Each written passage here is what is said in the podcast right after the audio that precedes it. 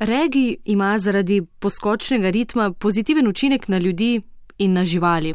Škotski psiholog Neil Evans je v poglobljeni študiji za vetiškim psom predvajal različne zvrsti glasbe, da bi ugotovil, kako se na njo odzivajo. Opazovali smo, kako zvrst glasbe vpliva na njihovo vedenje. Ali so poslušanju legli, so ostali, lajali, utihnili. Poleg tega smo merili še srčni utrip, ki kaže na spremembe v živčnem sistemu. Iz ozorca urina smo analizirali tudi raven stresnega hormona kortizola in ugotovili, da se je raven stresa zmanjšala, ko so psi poslušali soft rock in regi. Prijetne rock balade in regi, torej. Profesor Evans, kdo pa so najljubši izvajalci naših štirinožnih prijateljev? Na regi playlisti je bilo veliko pesmi Boba Marlija, pa tudi sodobnejših regi izvajalcev. Kar se tiče soft rocka, so med drugim poslušali Geralda Raffertyja, Fleetwood Maca, Shania Twain in The Eagles. Učinek žanrsko različne glasbe, denimo popa, soft rocka, regija, bluza in soula, je bil po več dnevih enak, so se pa psi zelo hitro naveličali klasične glasbe. Metala in hard rocka znanstveniki v študiji namensko niso predvajali. Te raziskave so v preteklosti opravili številni znanstveniki. Psom so predvajali heavy metal, seveda zelo kratek čas. Opazili so, da so psi stresali z glavo, niso bili pretirano navdušeni. To vrstne glasbe v naši študiji nismo predvajali, saj živalim nismo želeli povzročati stresa, temveč dvigniti kakovost njihovega življenja.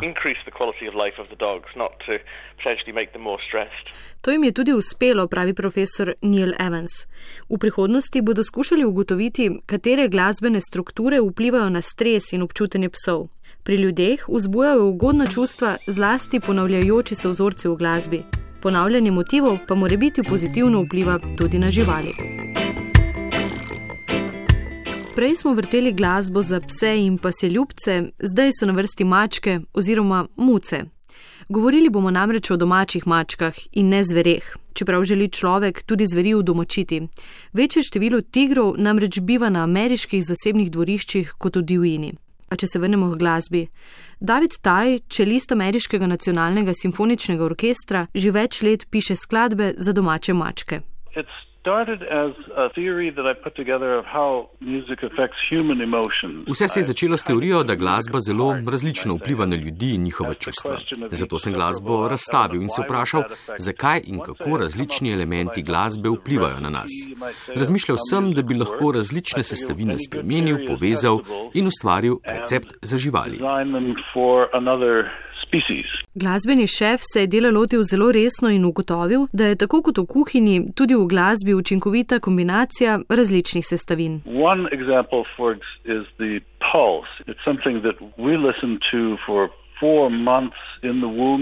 Osredotočil sem se na srčni utrip. Ljudje ga poslušamo štiri mesece v maternici. Naši možgani poznajo zvok utripa, ritem srca. Pri mačkah nastane težava, saj se mači možgani večinoma razvijajo izven maternice.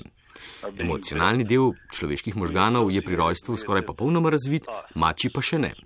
Mačke torej poznajo drug zvok, zvok pri sesanju maternega mleka, saj se takrat njihovi možgani najbolj razvijajo.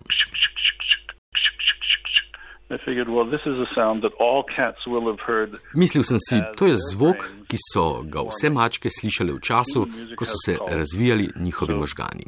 Človeška glasba se ravna po ritmu srca, mačja pa po zvoku sesanja mleka. Sicer pa v svojih kompozicijah ne uporabljam dejanskih mačjih zvokov. But a recreation of these sounds. Right. Mačke so v poslušanju opazovali živalski vedenski strokovnjaki. Številne so se približale zvočniku ali se ob njega drgnile, s tem pa ga označile za svojo lastnino. Strokovnjaki so poročali tudi, da so se mačke umirile, celo zaspale. Skladbe ameriškega čelista Davida Taja so se hitro povspele na seznam najbolj prodajanih v spletni trgovini Amazon. Mm. Odzivi so bili neverjetni, vendar naj povdarim, da se vse mačke na glasbo ne odzivajo enako. Nekatere se sploh ne.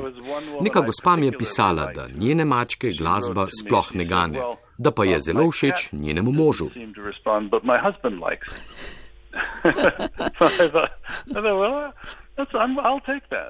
Čelist in skladatelj David Taj je koncertiral tudi svetovno znano ameriško metalsko zasedbo Metallica. No, prej smo slišali, da psom to vrstna glasba ni povšeči. Kaj pa mačkam? Mislim, da jih ne bi tako ganilo kot pse. Heavy metal glasba je bila zanimiva tudi povod za mojo raziskavo.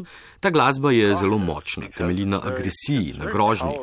Ko se na koncertu zasliši glasba, se ljudje med seboj prerivajo, potiskajo. Nabita je s testosteronom, melodije so temačne. Psi jo slišijo kot renčanje, v tem ne uživajo, tako kot denimo metalci v mošpitu.